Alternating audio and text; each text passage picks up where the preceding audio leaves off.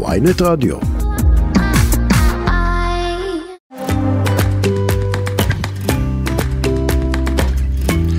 בוקר טוב לכם, מאזיני ynet רדיו. ארבע דקות אחרי שבע, ואתם על הבוקר עם רועי כץ, המוסף הראשון שלכם לסוף השבוע. טס גדות עורכת את השעה, עמרי זינגר הוא על הביצוע הטכני. לנו יש uh, שעה עמוסה, עמוסה מאוד אפילו, הבוקר. תכף נדבר עם שר המדע לשעבר יזהר שי, נסכם איתו שבוע ישראלי פוליטי, וגם נתכונן לשבוע הבא, לקראת uh, חידוש השיחות בבית הנשיא, ננסה להבין לאן הולכת הרפורמה המשפטית. נדבר גם על... הבחירות ברשויות המקומיות שהתקיימו השנה בסתיו. ננסה להבין למה קשה כל כך לנשים להשתלב בעמדות בחירות בשלטון המקומי. הכוונה היא לא לחברות מועצת עיר או מועצה, אלא לעמוד בראש הערים, לעמוד בראש השלטון המקומי בישראל. פחות מעשרה אחוז מראשי הרשויות בישראל לנשים. נדבר גם רשתות חברתיות וטוויטר. לפני שבוע נכנסה תוכנית המינויים החדשה של אילון מאסק בטוויטר, והוא אה, שינה שם את כל ה-V הכחול, את החשבונות המאומתים, וזה יצר בוקה ומבולקה. אנחנו נשוחח עם הדוקטור תהילה שוורץ אלטשולר על זה. נדבר עם יואב גינאי אה, לקראת האירוויזיון. אתמול ככה המלך צ'ארלס חנך את ה... אולם והראה איך תיראה הבמה, זאת הייתה התרגשות גדולה. ולקראת סוף השעה, כמו בכל יום חמישי, שיר לשבת, והבוקר אנחנו עם המשורר אליעז כהן. הבוקר עם רועי כץ, אנחנו מתחילים, אומרים שלום, בוקר טוב. לשר המדע והטכנולוגיה לשעבר, חבר הכנסת לשעבר, יזם, משקיע הון סיכון, בוקר טוב יזהר שי. בוקר טוב רועי, לך ולמאזינים. אתה יודע, אה, אתמול הפרופסור אמנון שעשוע, שעה שהוא קיבל אה, פרס ישראל למפעל חיים, הוא נתן אזהרה מאוד מאוד ברורה. והוא אמר, הנס, הנס הישראלי, וכמובן גם נס הטכנולוגיה בישראל, הוא בסכנה גדולה כשהוא אה, יותר ממרמז למהלכים המשפטיים פה ולרפורמה המשפטית. נכון, אמנון שעשוע איש אה, ראוי ללא ספק אה, לפרס הזה, והוא בעצם אה, נציג ללא ספק של ההייטק הישראלי על כל מרכיביו וגווניו. ושעשוע אתמול אומר את מה שכולנו יודעים, ההייטק הישראלי הוא אחת מהבסיסים המשמעותיים לא רק של הכלכלה הישראלית, גם של הגאווה, גם של העוצמה הישראלית והנוכחות הבינלאומית שלנו.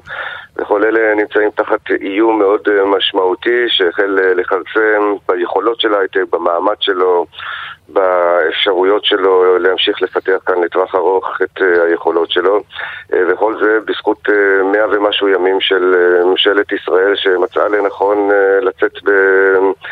אי אפשר לקרוא לזה אחרת, רועי, התקפה על עצמה, על מדינת ישראל, על הבסיס שעליו אנחנו חיים בעצם.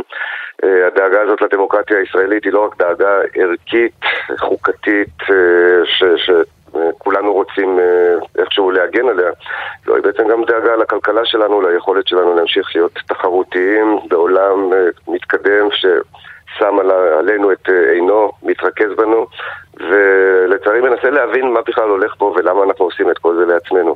אתה יודע, יזהר שי, קשה לאנשים שלא מצויים בתוך ההייטק הישראלי להבין למה בעצם המהלכים המשפטיים, המהלכי החקיקה המשפטיים של ממשלת ישראל כל כך מכים חזק בתעשיית הטכנולוגיה, ויש גם מי שאומר, רגע, זה לא כל כך קשור להשפעה מיידית, להשפעה ישירה, זאת ההחלטה בעצם של קברניטי התעשייה לעמוד בפעם הראשונה בראש מחאה נגד הממשלה, במקרה הזה ממשלת נתניהו. קברניטי ההייטק הישראלי באופן מסורתי עשרות שנים נמנעו מלהביע עמדה פוליטית נחצת לכאן או לכאן ועבדו עם כל ממשלות ישראל על מרכיביהן השונים מתוך הכרה שההייטק איננו חלק מהפוליטיקה, הוא חלק מהמדינה וכך צריך להיות בחודשים האחרונים ההכרה חלחלה אל אה, תוך אה, ההייטק ומה שנקרא מובילי ההייטק ואין שם, אתה יודע, אין בחירות, אין נבחרי ציבור אז זו הכרה שמחלחלת אה, אל עוד ועוד שכבות בכל רחבי האקוסיסטם הזה שנקרא ההייטק הישראלי. ההכרה הזו אומרת שתיים, אחת היא כולנו רוצים לחיות במדינה ליברלית דמוקרטית, השנייה היא שספציפית להייטק הוכח כבר וברור לכל מי שמסתכל שכלכלה כלכלת הייטק ויכולות של חדשנות והיכולות ליצור ולבנות פה חברות מאפס ועד לכאלו שמעסיקות עשרות אלפי עובדים, אלפי עובדים, משפיעות על העולם, כל זה קורה רק כאשר המדינה מסביב היא מדינה ליברלית, דמוקרטית, על פי הסטנדרטים המקובלים בעולם המערבי הנאור. מעבר לזה, בהייטק הישראלי יש תופעה ספציפית, ייחודית למדינת ישראל. הרוב המוחלט של המשקיעים שמממנים את ההייטק הישראלי הוא אה, רוב של משקיעים שמגיעים הנה מחו"ל. בכל העולם כלכלת ההייטק נבנית על אה, משקיעים אה, פרטיים, לא משקיעים ממשלתיים, לא מושכים כספי מדינה, אלא מושכים את כספו של השוק הפרטי שמאמין ביכולת של חברות הייטק לייצר גם החזרים משמעותיים למשקיעים. ויש משקיעים רבים מאוד, ואני מדבר אה, כחלק מהקהילה הזו של ההייטק, אני מדבר עם רבים מהם בחודשים האחרונים. משקיעים רבים שמסתכלים על מדינת ישראל ואומרים, רגע, הולכים לפגוע פה ביסודות הדמוקרטיה. זו מדינה שבה כספי כמשקיע איננו מובטח על פי כל מיני קריטריונים, בית המשפט יהיה חלש יותר, החקיקה עלולה לפגוע בי, כמו שקרה כבר, יש מספיק תקדימים במשטרים לא דמוקרטיים, ולכן אני אה, משקיע שמאמין ביכולות אה, של ההייטק, של האנשים בישראל, של כל מה שקרה פה עד היום, אני אחכה, אני אחכה ואראה. מדינת ישראל תחליט לעולל לעצמה את מה שאני כמשקיע וגם אזרחים רבים במדינת ישראל חוששים ממנו. אני לא אשקיע, יש מקומות אחרים שבהם אפשר להשקיע את כספי, ההשקעה היא uh, מובטחת, החקיקה היא מאוד חזקה, הדמוקרטיה מגינה עליי כמשקיע זר, וצריך לזכור, רועי, המשקיעים האלה שמים פה את כספם לא מטעמי ציונות, לא מטעמי אמונה במגילת העצמאות, הם שמים פה את כספם כי הם יודעים שזו כן. מדינה ליברלית דמוקרטית שבה בתי המשפט שומרים על כספם מכל משמר. יזהר שי, נדמה שאתה יודע, הלחץ של המחאה מתחיל להיות מופנה לכיוונו של בני גנץ. מתוך איזשהו אה, חשש של חלק מראשי המחאה, שבני גנץ יכול להיות שהוא החוליה החלשה יחסית בשרשרת המחאה נגד הממשלה. והם אומרים, הוא, הוא לא, הוא, הם לא נוקטים שקיפות ולא מספרים מה קורה במשא ומתן בתוך בית הנשיא, הם גם מתייחסים להתבטאויות אחרות שהן התבטאויות פייסניות יותר, אפילו הנוכחות של בני גנץ בטקס המשואות, אותו החרים יאיר לפיד, יושב ראש האופוזיציה. לך יש לא מעט שעות בני גנץ, אתה גם מזהה איזושהי, נקרא לזה, נטייה לפשרה אצלו? אני מזהה בבני גנץ אה, בדיוק את מה שצריך לעשות אה, בימים האלה ואת הסדר פעולות הנכון כדי אה, לממש את ההישגים העצומים של המחאה, הפופולרית, האזרחית, הדמוקרטית, הלא אלימה, לממש את ההישגים האלה לצורך מניעת ההפיכה השלטונית ולצורך הגעה לאיזשהו הסדר שהוא הסדר הגיוני. בסופו של דבר. היכולת של בני גנץ לעשות שינויים בחקיקה הממשלתית נבנית על כוחות המחאה ולא על כמות הידיים שיש לו בכנסת. הרי כולנו יודעים, והיום בהפגנת הימין ידגישו את זה, שלימין יש 64 ידיים בכנסת, ולכאורה הם יכולים לעשות כל מה שהם רוצים במובן הפרלמנטרי. המחאה נתנה לגנץ ולאנשיו הנוספים בכלל, לכל אנשי המרכז-שמאל, נתנה רוח גבית משמעותית כדי לנסות לייצר הישגים פרלמנטריים. לא, אבל קשה, קשה להגיד שבני גנץ בדיוק הוביל את המחאה הזאת. אם כבר הוא נגרר אחריה, אה, המחאה הזאת הצליחה להשיג אה, הישגים מול הממשלה משמעותיים יותר ממה שהאופוזיציה הצליחה בתוך ספק. המליאה והוועדות. ללא ספק, שוב, לאופוזיציה יש אה, פחות חברי כנסת מאשר לקואליציה, וכך במשטר דמוקרטי נקבעים דברים, ולכן באמת המחאה השיגה הישגים יוצאי דופן. אה, אולי אפילו תקדים היסטורי במובן של מה מחאה אזרחית יכולה לעשות לא רק בישראל אלא בכלל והעולם מסתכל אלינו. למה, הם, מוד... עכשיו... למה הם מודאגים כל כך מבני גנץ? כי מה, הם אומרים שהוא uh, בנוי לפשרה? תראה רועי אמרת נכון, אין דבר כזה, אה, אתה יודע, נציגי או נבחרי המחאה או אנשים שמדברים בשם המחאה, במחאה יש 150, 200 גופים שונים, ויש הרבה אנשים שאומרים דברים, ויש אנשים שמודאגים מהיכולת של בני גנץ לממש את ההישגים של המחאה. בכלל הישגים פרלמנטריים. ועכשיו, אתה יודע, מקובל במקומותינו, יש שם חילוקי דעות, יש אה, כאלה שנמצאים במחאה כל שבוע כמוני, שאומרים, אנחנו עכשיו צריכים לממש את ההישגים האדירים של המחאה ואת הנכונות שלנו לצאת לרחובות ולעשות את כל מה שאפשר, כדי לתת רוח גבית לנציגים שלנו בכנסת להגיע להישגים. ויש כאלה שאומרים, לא, בשום אופן, אסור לדבר, צריך להפיל את הממשלה, צריך uh, לתת לבני גנץ את הרוח הגבית כדי לא לדבר, לא לעשות משא ומתן. הנה, העבודה כבר יצאו מהמשא ומתן הזה, אחריהם כנראה יצא יאיר לפיד ואנשיו יצאו איתו, ואחרי זה בני גנץ. ואני חושב שיש uh, טווח דעות רחב בקרב אנשי המחאה באשר למה שצריך לעשות. אני חושב שיש גוש מאוד גדול של אנשים ששותפים למחאה, שחושבים שחייבים להמשיך לממש את הישגי המחאה האדירים האלה בכנסת, ואכן גנץ לא הוביל את המחאה ואף אחד אחר. היא לא מחאה של פוליטיקאים, היא מחאה של ציבור ענק וזה כוחה של המחאה. עכשיו צריך איכשהו לממש את ההישגים האלה לכדי הישגים פרלמנטריים, כי אנחנו כולנו יודעים שיש חוקים שמונחים בכנסת, שהמרחק ביניהם לבין הצבעה הוא מרחק של קריאה מטעם אה, יושב ראש הקואליציה ליושב ראש הכנסת, שאומר לו כן. בוא אני רוצה לעשות אה, הצבעה לחוקים והם, אה, והם הולכים להצבעה, את זה צריך למנוע. ואת זה אפשר למנוע רק בכנסת, לא במקומות אחרים.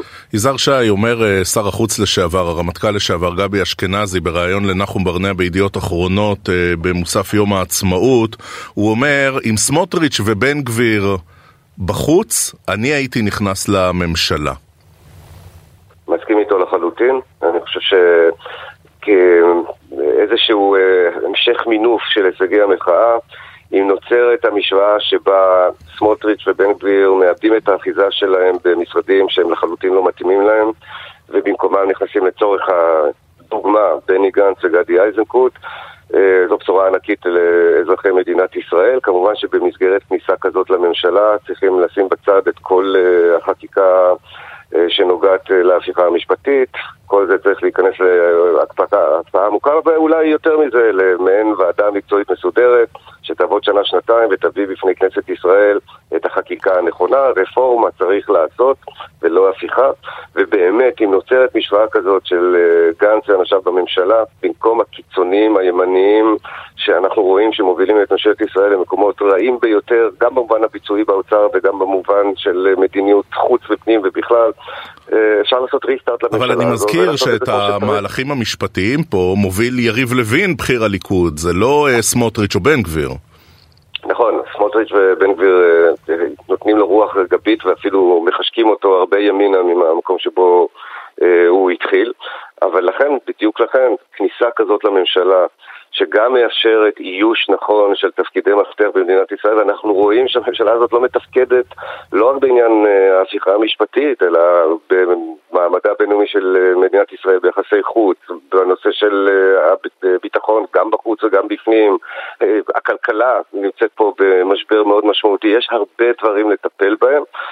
כניסה כזאת לממשלה תסמן קודם כל את סדרי העדיפויות הנכונים של ממשלת ישראל, ביטחון, כלכלה, משילות, צמיחה וכמו שהבטיח גם נתניהו, אולי המשך הסדרי השלום במזרח התיכון ולהוציא מתפקידי המפתח את האנשים שלא מתאימים, לא ראויים ומחשקים את הממשלה הזאת למקומות חשוכים וחסרי כל היגיון, שלא לדבר על קיצוניות אה, משיחית ועוד כל מיני דברים שמנסים להכניס לממשלה הזאת. שר המדע והטכנולוגיה לשעבר, חבר הכנסת לשעבר יזהר שי, תודה רבה על השיחה ובוקר טוב. תודה, יום טוב. עכשיו אנחנו רוצים לעסוק בייצוג נשים בשלטון המקומי, אה, בחירות בשלטון המקומי יותר מאוחר השנה, והסוגיה הזאת של אה, ייצוג נשים לא רק במועצת העיר, כן, או, במועצ... או במועצות עצמן, אלא ממש אה, הנהגה של השלטון המקומי, הסוגיה הזאת עומדת לפתחנו הרבה שנים, ו... יש להודות שאין הצלחות גדולות בנושא הזה. אנחנו אומרים שלום למי שעמדה בראש המועצה האזורית בני שמעון בעבר ולשעבר לשעבר מנכ"לית משרד הרווחה. בוקר טוב, סיגל מורן. בוקר טוב. ציינתי שעוסקים בזה לא מעט שנים, אה, מנסים ככה להעלות את ייצוג הנשים בשלטון המקומי. זה לא כל כך מצליח. כשאת מסתכלת בפרספקטיבה ואת מכירה היטב את השלטון המקומי, את גם מכירה היטב אה, את הקולגות, למה זה? אה, צריך לומר שלצערנו הרב במצב הנוכחי המצב בשלטון המקומי היום יותר טוב מאשר במרכזי, אבל זה באמת נחמה פרוטה. יש התקדמות, כשאני, בכל השנים שאני הייתי כשאני הייתי ראש מועצה היינו שש נשים מתוך 257 רשויות מקומיות. אם אני לא טועה, נכון להיום יש 13 נשים ראשות רשויות, שזה לכאורה זה לא אבל צריך לזכור שזה עדיין מתוך 257 רשויות, וגם הנתונים במועצות העיר הם אה, מאוד נמוכים. כן, וכשאתה מסתכל על זה באחוזים, ואתה אומר, זה סדר גודל של 6 אחוזים, אתה, אתה תופס את הראש. נכון. אמ, תראה, אפשר להסתכל על העניין הזה מכל מיני כיוונים. אני בוחרת דווקא להסתכל על זה מכיוון הנשים. אה, אני חושבת, אה, אני אגיד את זה בשני היבטים. אחד, אה, אני כבר שנים טוענת, והיום זה נעשה הרבה יותר קיצוני במציאות שבה אנחנו חיים, שאנחנו חברה הרבה יותר מסורתית ממה שאנחנו בכלל מוכנים להודות. והמשמעות של חברה מסורתית, כשאני אומרת את זה, זה הדברים שהם בתת מודע. בסופו של דבר יש נטייה בציבור הישראלי אה, להעצים אה, תכונות גבריות, אה, או לסמוך יותר על גברים, ואני אומרת את זה, זה גם בתת מודע, ולגבר יותר קל להתמודד, נקודה. אה, יחד עם זה, אני רוצה לומר גם לנשים שאני חושבת שנשים עדיין אה, נמנעות מלהיות במקום הזה, נמנעות מלהיות בהתמודדות. אה, יוצא לי לדבר עכשיו עם כל מיני נשים שמתלבטות, והמשפט הזה של אני לא בטוחה שיש לי מספיק ניסיון, אני לא בטוחה שאני הכי מתאימה, אני חושבת שהוא לא משפט שגור מאוד אצל גברים, וכמובן שיסלחו לי הגברים והנשים שאני, אבל אני מדבר, אני מדברת בהכללה, אבל נדמה לי שבהכללה זה נכון. אה, יש לנו תהליך ארוך, התהליך הזה חייב להתחיל מגיל לידה. זה לא תהליך שמתחיל כשמגיעים לגיל הבגרות, הוא צריך להיות בתוך מערכת החינוך, הוא צריך להיות בקרב המנהיגות שלנו היום אה, אה, בהיבט של דוגמה אישית, מה שכאמור לצערנו אנחנו הלכנו כמה שנים אחורה. ולכן אני כרגע, אני חוזרת ואומרת, אנחנו כן בתהליך של התקדמות, אבל מאוד מאוד מאוד מאוד איטית. הזכרת מגמות של אה, מסורתיות ומגמות של שמרנות, ואולי צריך באמת אה, לגרוע את המועצות המקומיות הערביות והחרדיות מתוך הסטטיסטיקה, כי שם באמת אה, השיעור הוא, הוא אפסי, אין, אין דרך אחרת להגדיר את זה. Mm-hmm. אבל גם כשאנחנו מסתכלים נכון. על רשויות אחרות בישראל, גם שם מספר הנשים, כולל בערים שנתפסות ליברליות ומתקדמות ו- וכאלה שממש הם סמל לחילוניות ישראלית, גם שם אנחנו לא רואים נשים מתמודדות. אתה צודק לגמרי, גם אם אני לא עשיתי את החשבון המדויק, אבל בוא נניח שאנחנו מדברים, אם מורידים את הרשויות הערביות והחרדיות, נגיד שאנחנו מדברים רק על 100 רשויות. עדיין אנחנו מדברים על 13 נשים שעומדות בראשן.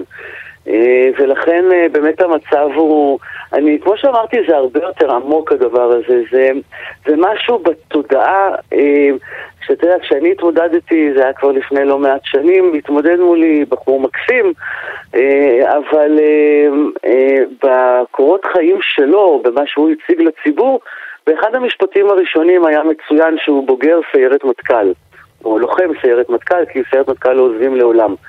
אני הייתי מפקדת בצבא, פיקדתי אה, על קורס קצינות, זה היה כתוב, אבל אתה יודע, כסעיף עשירי בתוך הדברים. אה, אני אומרת את זה כי נדמה לי שזה ממחיש, אנחנו חברה שמאוד למרות מאוד... למרות אה, שיש מעט מאוד בין היומיום של שלטון מקומי ובין איזושהי סוגיה ביטחונית. אתה יודע, גם שיש, אנחנו, אני אה, גרה בדרום, עברתי כמה סבבים כראש מועצה, אני רוצה לומר לך שמה שהניסיון הביטחוני הוא לא הניסיון הרלוונטי, כי כראש רשות, מה שאתה עושה גם בתקופה, סליחה, גם בתקופה של אה, מתח ביטחוני, אתה לא אחראי על הביטחון, אתה אחראי על תחושת הביטחון. על הביטחון אחראים מי שאחראי. אתה כראש רשות, לא, הכו... הכוונה שלי רשות... בהערה, שאפילו כשאין בכלל כן, כן, קריטריון אה, ביטחוני-מדיני, גם אז קורות החיים אה. הביטחוניסטים נחשבים יתרון. אני לגמרי מחזקת את מה שאתה אומר. כשאני פיתחתי תפיסת עולם שלמה כראש רשות בסבבים הביטחוניים שעברנו בדרום, והיו שלושה כאלה, אתה יודע, שלושה באופן רשמי, אני לא סופרת את הבודדים אה, בתקופה שכיהנתי בתפקיד, אה, תפיסה שלמה סביב היותי אימא.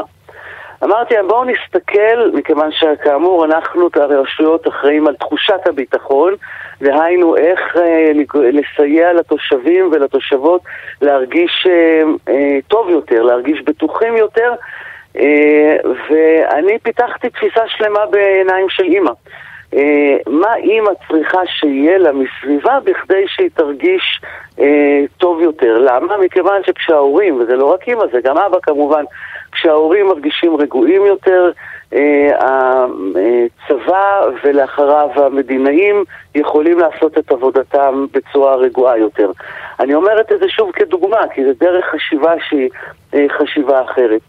אה, בכלל, אני, לא, אי אפשר לחשוד בי באובייקטיביות בעניין הזה, אבל אני חושבת שאם את המדינה שלנו בכלל היו מנהלות קצת יותר נשים, אני חושבת שהדברים פה היו יכולים להיראות קצת יותר טוב. כשאנחנו מדברים על ייצוג נשים בשלטון המקומי, נגיד שבאמת לא רק בישראל שיעור הנשים בקרב נבחרי ציבור הוא נמוך יחסית, ואנחנו גם לא המדינה היחידה שיש בה חסמים מבניים וחסמים uh, חברתיים שמקשים על נשים להשתלב בעמדות הנהגה.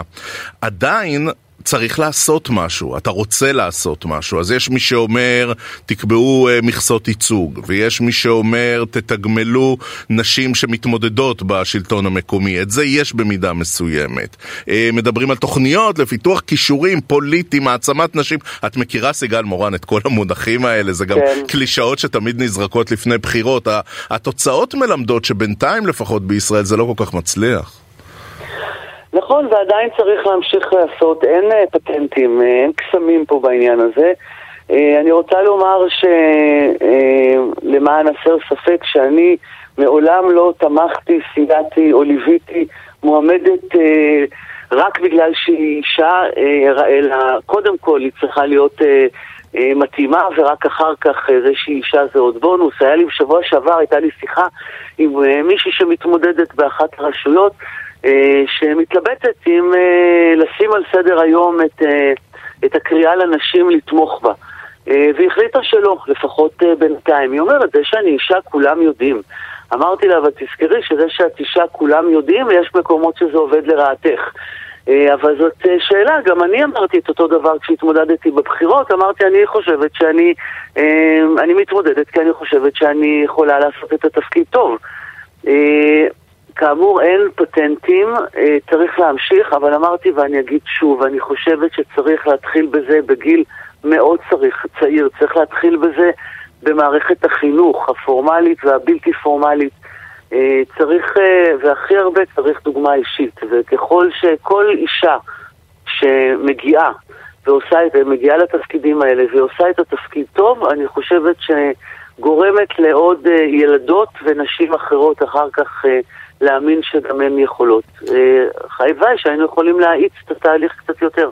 את אומרת, סיגל מורן, להתחיל בגילאים צעירים. מה? שילדות כבר בגילאי אה, בית ספר עממי, בית ספר יסודי, אה, ידעו שאפשר ויחלמו על זה, ואולי גם במידה מסוימת יוסללו לזה? כן, אני חייבת לומר שאני, זה מצחיק, כי אני הרבה מאוד שנים אה, סירבתי להגדיר את עצמי כפמיניסטית. אה, כשנבחרתי לראשות המועצה, אה, הבנתי שקיבלתי על עצמי תפקיד, גם אם לא בחרתי בו, וזה כבר, כאמור, לא מעט שנים, אני ממש עובדת בזה. וחלק מהעניין, ובכלל לא בכל התפקידים שעשיתי, וחלק מהעניין זה לבוא ולהיפגש גם עם ילדות צעירות וגם עם נערות. וכמובן ללוות נשים, בתקופה הזאת יש לא מעט נשים שהתחילו את המרוץ, אה, צריך הרבה כוח בשביל אה, להחזיק מעמד בתוך מרוץ כזה, זה מאוד קשה. אה, אני, לעיתים ההתמודדות היא יותר קשה מאשר התפקיד עצמו, כי בהתמודדות את צריכה למכור את עצמך במרכאות כפולות, את צריכה לשווק את עצמך. נשים פחות טובות בעניין הזה. אני חושבת שצריך גם בתוך מערכות החינוך ממש באופן פורמלי להכניס תוכניות, ללמד על נשים ובעיקר בהרבה מאוד דרכים לגרום לבנות וגם לבנים להאמין באמת ששום דבר לא יעצור אותם בכדי לממש את החלומות שלהם. אחת הדעות הרווחות היא שהמחיר שמשלמת אה, אישה בפוליטיקה הוא יקר יותר מאשר זה שמשלם גבר בפוליטיקה. אה, גם אה, מחיר אישי, גם מחיר משפחתי, והתג מחיר הזה למתמודדות הרבה פעמים הוא זה שמרתיע נשים מלהיכנס לזירה הפוליטית. אני חושבת שיש ממש בטענה הזאת, אבל אני חושבת שגם היא קשורה גם, קשורה גם בנו. אה, מה זה אומר? אה, לקח לי הרבה שנים להבין שכשאני באה ואומרת, תראו, אני גם אשת קריירה וגם אימא וגם, אה, איך לומר, בכל מה שקשור בבית, פולניה למהדרין, כן, מבחינת תחזוקת הבית ו- ואוכל וכדומה, לקח לי זמן להבין שאני עושה נזק, מכיוון שהמסר שאני מעבירה זה שנשים קרייריסטיות חייבות להיות uh, סופר מומנט, חייבות לעשות הכל, להצטיין בכל, ולא. Uh, אני חושבת שזה בסדר, ואני חושבת שאנחנו צריכות uh, להיות קצת יותר סלחניות וותרניות לעצמנו. Uh, וכן, אם בחרתי במסלול מסוים, להיות שלמה איתו. להגיד שזה קל, זה לא קל. זה קשור גם למסרים מהחברה. מכיוון שהחברה והמשפחה מקבלים הרבה יותר בהבנה עדיין כשגבר אה, לא נמצא בבית אה, מאשר כשאישה לא נמצאת בבית. אה, אז שוב, זה תהליכים חברתיים ארוכים ומשמעותיים, אבל בעניין הזה אני קוראת אה, לכל הנשים, אה, תוותרו גם קצת, תעשו קצת הנחות לעצמכם. אה, אני היום אה, ממרום גילי וממרום גילם של ילדיי יכולה לומר, אה, סליחה על חוסר הצניעות, שהצלחתי בחינוך, גם כשהייתי אשת קריירה, הילדים שלי, נדמה לי שלא גדלו עם חסכים, והם בטח לבטח יעידו על זה בעצמם כבר בשלב הזה בחיים. סיגל מורן. לשעבר ראש המועצה האזורית בני שמעון בדרום, לשעבר מנכ"לית משרד הרווחה. תודה רבה לך על השיחה, גברתי. תודה רבה. יום טוב. אנחנו מזכירים לכם, אם אתם רוצים להאזין לנו בהאזנה מאוחרת לכל התוכניות, לכל הרעיונות, אתם עושים את זה במתחם הרדיו באתר ynet או בכל אפליקציות הפודקאסטים המובילות. אתם מחפשים רועי כץ או הבוקר בשורת החיפוש, יכולים להאזין לנו בכל מקום, בכל מכשיר, בכל זמן. אם אתם מאזינים לנו כפודקאסט, בבקשה, לא לשכוח לדרג אותנו ותלחצו עוקב, ככה תקבלו עדכון לכל תוכנית חדשה שעולה. תכף נדבר וי כחול בטוויטר, תכף נתכונן לאירוויזיון וגם שיר לשבת. הכל הכל אחרי שלום חנוך.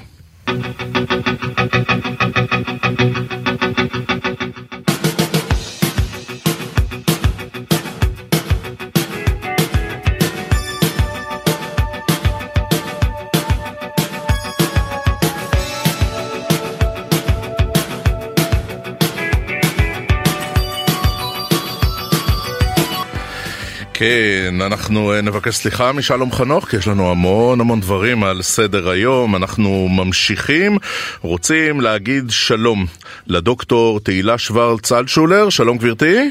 שלום, שלום רועי. מומחית לסייבר, לרשתות חברתיות, עמיתה בכירה במכון הישראלי לדמוקרטיה ובמרכז פדרמן למשפט ולסייבר באוניברסיטה העברית בירושלים.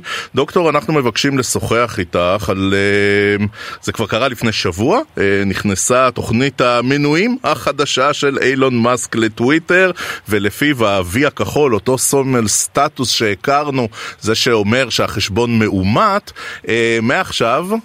רק בתשלום. נכון. אמ, באופן כללי כל המהלך הזה לא מתחיל עכשיו, הוא כבר מתחיל אה, אה, בסוף 2022.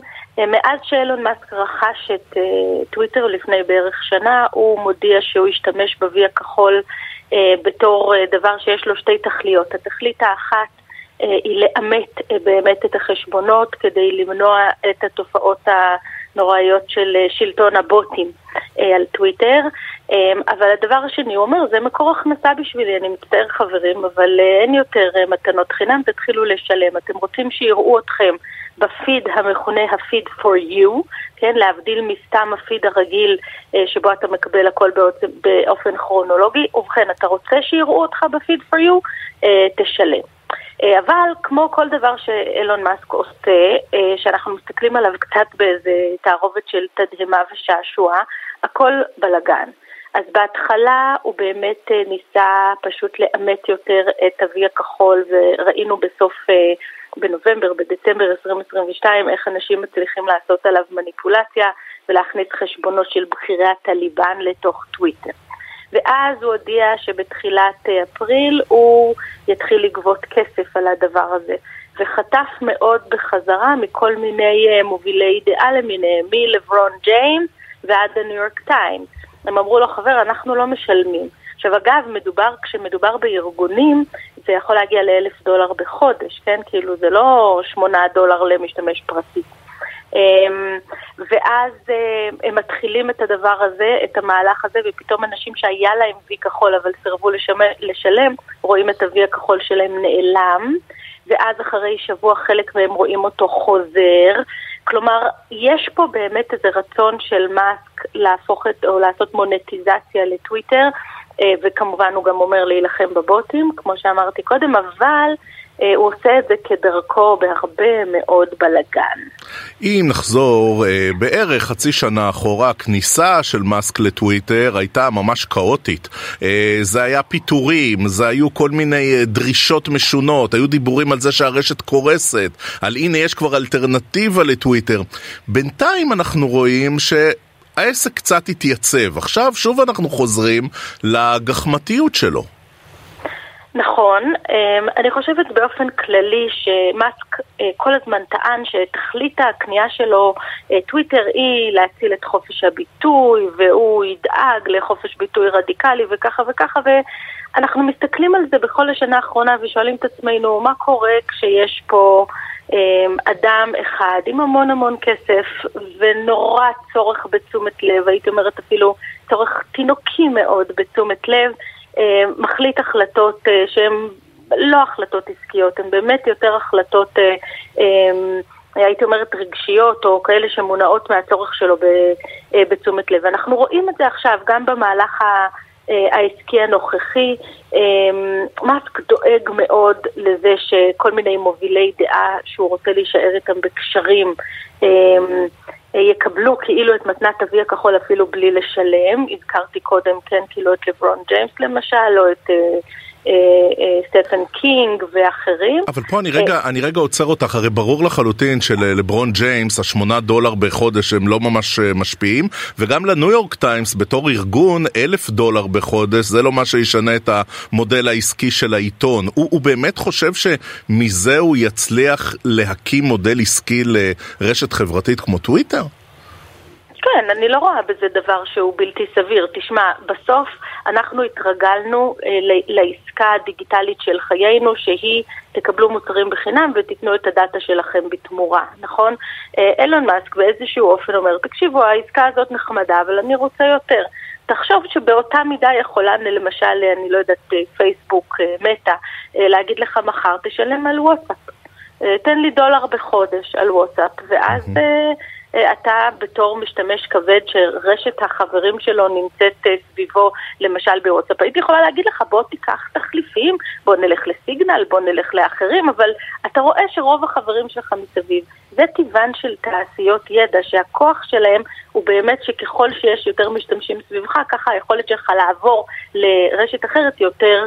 אמ, יותר קטנה, לא, ולכן... אבל פה, אבל פה היה מהלך של המשתמשים, גם כאלה מאוד גדולים, שאמרו לו, לא, לא מוכנים לשלם לך שמונה oh. דולר, לא מוכנים לשלם גם אלף, יש גם את, אה, יש גם את ה hashtag block the blue של אה, מי שחוסמים ולא עוקבים יותר, אחרי כאלה שכן הסכימו לשלם, זאת אומרת זה כבר יצא לגמרי משליטה. נכון, אבל הצד השני של זה, ואת זה אנחנו פחות רואים, אבל כי הוא, הוא מקבל פחות... אה, הייתי אומרת, הדהוד תקשורתי חזק, אבל אפילו אם אתה מסתכל על הפיד שלך, אני לפחות חווה את זה אה, בפיד טוויטר שלי, אתה פתאום רואה משתמשים חדשים שלא הכרת אותם קודם, אה, ואתה רואה אותם בתדירות גבוהה, והסיבה לזה היא שהם כן רכשו וי כחול, ולכן הם מקבלים קדימות בהגעה אליך.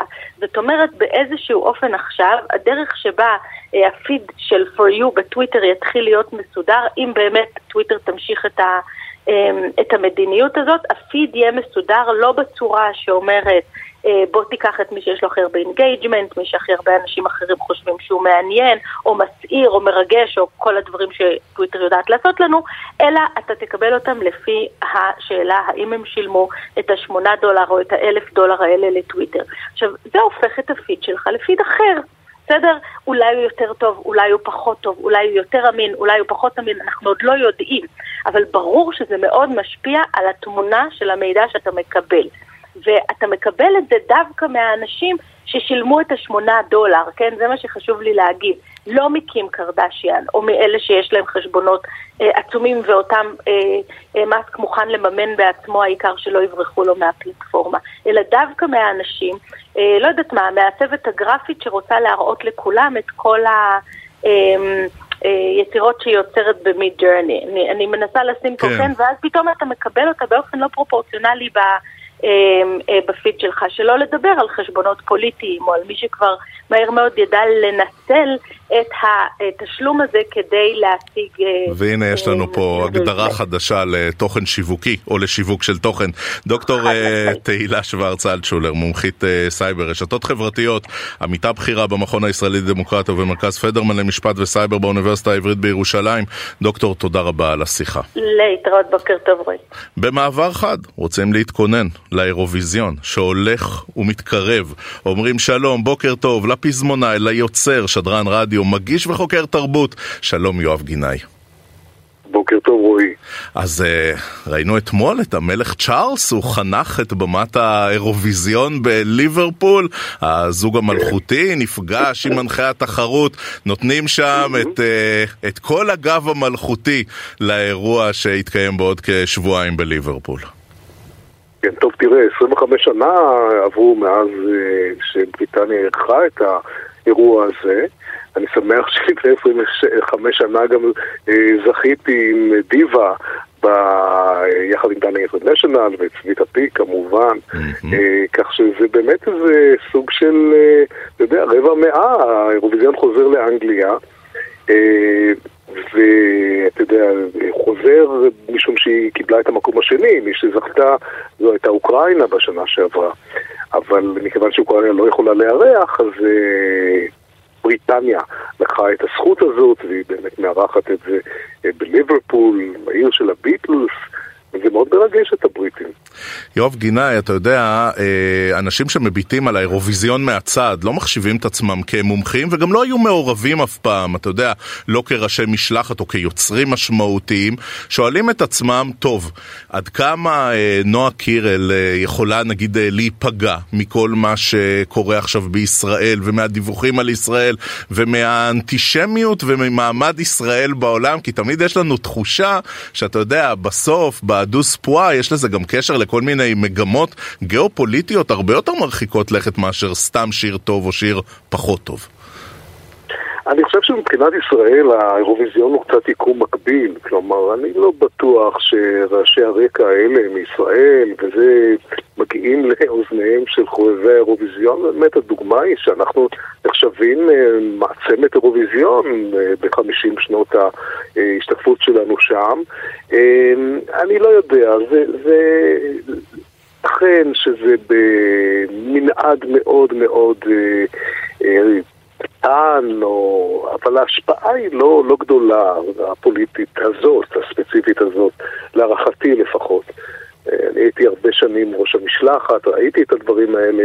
אה, באמת יש תחושה שהאירוויזיון הוא איזה סוג של אה, בועה, אה, שבה אומנם יש השפעות פוליטיות, בעיקר כשמדינות שכנות מצביעות אחת לשנייה וכל הסיפור הזה, אבל ההשפעה היא לא, היא לא, היא לא גדולה מאוד, היא לא משנה גורלות. אני חושב ששיר טוב הוא שיר טוב הוא שיר טוב, ואם שיר טוב אה, אה, עובר ו- ונשמע אה, כ- כווינר ומרגש, ומה שבאמת קובע זה אותן שלוש דקות מאוד מאוד ספציפיות, אה, שבה בוחנים את המבצע ואת השיר ואת העיבוד ואת הריקוד וכל הדברים האלה. זה מה שקובע בסופו של דבר על ההצבעה. אז אתה אומר שיר טוב הוא שיר טוב, ואתה אה, מומחה משמעותי לתחום. תן לנו את עמדתך המקצועית על יוניקורן של אה, נועה קירל. מצוין, יוניקורן הוא שיר מצוין שעשוי טוב, עשוי נכון מבחינת ההינדוס שלו בתוך אה, ה number עצמו, אה, נועה היא מצוינת, היא טובה מאוד, אה, יש לו סיכוי, יש לו סיכוי להיות, אני לא יודע אם מקום ראשון, אבל בהחלט להיות בעשירייה הראשונה, הוא גם שמה נמצא בהימורים.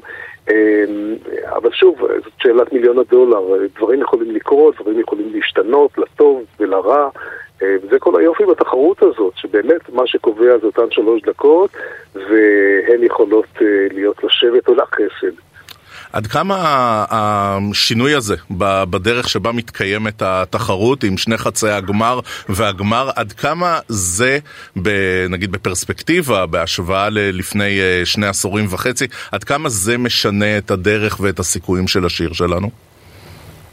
תראה, מה, ש... מה שקרה עם השנים, שהאירוויזיון צמח להיות איזה סוג של אולימפיאדה עם המון המון מדינות, באמת היה קשה להכיל את כל הדבר הזה. תראה, זה, זה, זה עושה את הסיפור יותר קשה, משום שיש יותר מועמדים, ואתה צריך קודם כל להצליח בגמר, בחצי הגמר שלך, ואז להתמודד מול מדינות, ש... מול המדינה המארחת, ש... שהיא כבר בגמר, ומול המדינות הגדולות, ואלה שעלו מה... מהמחצית השנייה שמולך. זה, זה יותר קשה, זה יותר קשה ללא ספק, וככל שהטכנולוגיות והאפקטים והאמצעים האלה ככה משתכללים, צריך יותר כסף גם.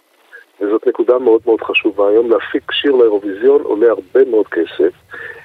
כל המעטפת של יחסי ציבור, של דחיפת השיר בפלטפורמות הדיגיטליות, כל הדבר הזה זה דבר שעולה הרבה הרבה כסף, ולא סתם לבוא ולשיר וללכת. ומכיוון שזה גם עולה כסף, וזה גם יותר גדול, וזה גם יותר משוכלל, זה הרבה יותר קשה. הזכרתי קודם פוליטיקה והזכרתי קודם קצת דיפלומטיה. עד כמה מה שאנחנו... חלון הראווה של ישראל באירוויזיון הוא כזה שבאמת משדר לעולם, משדר לאירופה, ישראל אחרת. יכול להיות שהשנה גם ישראל מאוד שונה ממה שאנחנו רואים פה בפנים. אתה ודאי יכול, אתה יודע, להעיד על זה מהזכייה של דנה אינטרנשיונל לפני 25 שנים. כן, קודם כל, באמת הזכייה של דנה לפני 25 שנים הייתה סוג של מהפכה, וצריך לומר אפילו רעידת אדמה מבחינת האירוויזיון. אני זוכר שבאו אליי נציגים אז, אמרו, איך ישראל מעיזה, ישראל שבה שומרים על שבת וטורקים אבנים על מכוניות, שולחת דבר כזה לאירוויזיון. וזו הייתה באמת סוג של מהפכה. אסור לשכוח, אגב, שהאירוויזיון לפני 25 שנה היה הראשון שבו היה טלווורט, כלומר, הצופים עצמם הצביעו, זה כבר לא היו שופטים. Mm-hmm. וזאת נקודה מאוד מאוד חשובה. ברגע שהכוח ניתן לצופים עצמם, אז זה עשה שינוי גדול. ובסך הכל, אני חושב שה... ישראל שוב אני אומר, מכיוון שמדובר ביקום מקביל, ישראל נראית לגמרי לא רע, כלומר ישראל נחשבת כ... כמדינה שמייצרת מוסיקה טובה, שבה מדינה מאוד ליברלית, והקהל הלהט"בי שהוא בעצם הגרעין הקשה של האירוויזיון, או ה base של האירוויזיון, מאוד מאוד אוהב את ישראל. וגם מגיע לישראל וכולי וכולי, מאוד מתעניין ב... בפופ הישראלי, וככה שומע אותו. מהבחינה הזאת ישראל היא באמת מדינה מאוד מאוד נאהבת באירוויזיון. וזה יפה, משום שככה יש לנו סוף סוף איזשהו אירוע אחד לפחות, שבו לא רואים אותנו בהקשרים של BDS ושל עניינים פוליטיים והפגנות ופיגועים וכל הדבר הזה, אלא באמת רואים מדינה נורמלית, במרכאות כפולות, שהיא באמת עושה מוזיקה, האנשים בה הם, הם, הם שמחים, הם יפים, הם, וזה, וזה בעצם מהות התחרות הזאת. יואב גינאי, פזמונה, יוצר, שדרן רדיו, מגיש וחוקר תרבות, תודה, תודה רבה על השיחה הבוקר. השכלנו. תודה רבה. תודה רבה. אנחנו מסכמים תמיד תמיד את השידור שלנו עם שיר לשבת. אומרים שלום, בוקר טוב, אליעז כהן, משורר, שלום. אהלן רועי, בוקר טוב. שלומך? אה, אתה יודע, ימים כאלה שגם אה, up and downs כאלה, קצת איזה, אה, יש איזו אווירה מדכדכת, אבל מה שעוזר לי, לי לפחות לפעמים, זה התכלת העצומה הזאת שבשמיים, הימים האביביים הללו, העונה הזאת היא טובה. ולפעמים זה גם גורם לכתיבת שירים אפילו, המצב הזה שהכל נקי, אתה יודע, ככה, לפחות באוויר, בעולם. טוב, אנחנו לגמרי באפ, כי אנחנו משוחחים איתך. אוקיי. אז זה, משמח אותנו. זה כבר, זה, זה, זה לא קרה כבר די הרבה זמן. אה, ואתה השקת איתנו את הפינה הזאת של שיר לשבת, ומאז אה, שוחחנו עם המון אה, יוצרות ויוצרים, משוררות ומשוררים, ואחת השיח, השאלות שככה נשזרה באופן קבוע בחודשים האחרונים היא באמת איך כל מה שקורה כאן בישראל נוגע או משיק ליצירה, אם בכלל. איך זה אצלך? אה, אז אצלי זה מוריד, בעניין הזה זה מוריד. אה, פעם הייתי מאוד מופעל, זה, אה, הייתי עסוק גם בפועל ככה בניסיונות כל הזמן לחבר בחודשים האחרונים, כי, כי האיום מה, מהפיצול הפנימי, מהקרע, מהקיטוב, די הפחיד אותי למען האמת, ואני לא אדם מפוחד בדרך כלל, אני אדם מאוד מאוד אופטימי. אה, ועכשיו, אה, לא יודע, לא יודע מה, אני, אני מקווה שהצוותים שם בבית הנשיא אה, יבינו את גודל האחריות, ובינתיים זה לא נוגע לה, לכתיבה שלי. אני, אני בחרתי בשיר שיר אביב, אפילו קראתי לו שיר אביב. הוא נכתב באחד הימים האלה, כמו היום הזה, שהכל מאוד מאוד פתוח. ממקומות אצלנו, אפילו בגוש עציון, אתה יכול לראות מכמה נקודות את הים, ממש בצורה בהירה, ואת עבר הירדן. כאילו, אז הכל, הכל נפתח. ואז משהו גם בנפש נפתח. אפילו, אפילו לפני כן היה קצת מדוכדך, אז זה נפתח. טוב, אז עכשיו נבקש שתקריא אה, לנו את שיר אביב. שיר אביב. בבוקר אביב שכזה, שוב נדבטה מטפחתך כחולה לבאר, ומפולש הכל ראיתי, מים עד מדבר, והיה גם הלב מפולש. בבוקר אביב שכזה, עינייך ביתי טורקיז רוננות, הילוכם של חייך כמו מרקד, והדבש מתעבר בדבורים. ואני שומע כיצד מסתפג הגשם ומפציע ירוק בקצות תאנה. בבוקר אביב שכזה, אהבה בשבילים פוסעת, פושטת זרועות באין צל מילים. ואמן, נמשכים מן הדם השפוך הפרגים. וכל שאבד, כמו שב מלבלב בחזה, בבוקר אביב שכזה.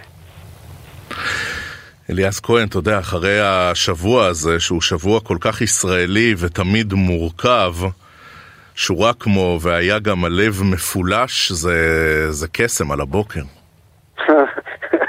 תודה רבה, תודה. אני, אני לפעמים, היום המפולש, היום הפתוח משפיע על, ה, על הלב ועל הנפש, ולפעמים השיר שכבר נכתב ביום כזה, הוא, הוא, הוא זה שעשוי להשפיע. אז אני, אני מאחל לעצמי קודם כל ולכל מי שרוצה להתחבר, אה, שיקרה משהו ללב שלנו, שיהיה מפולש, אה, שהכל יהיה פתוח לנו.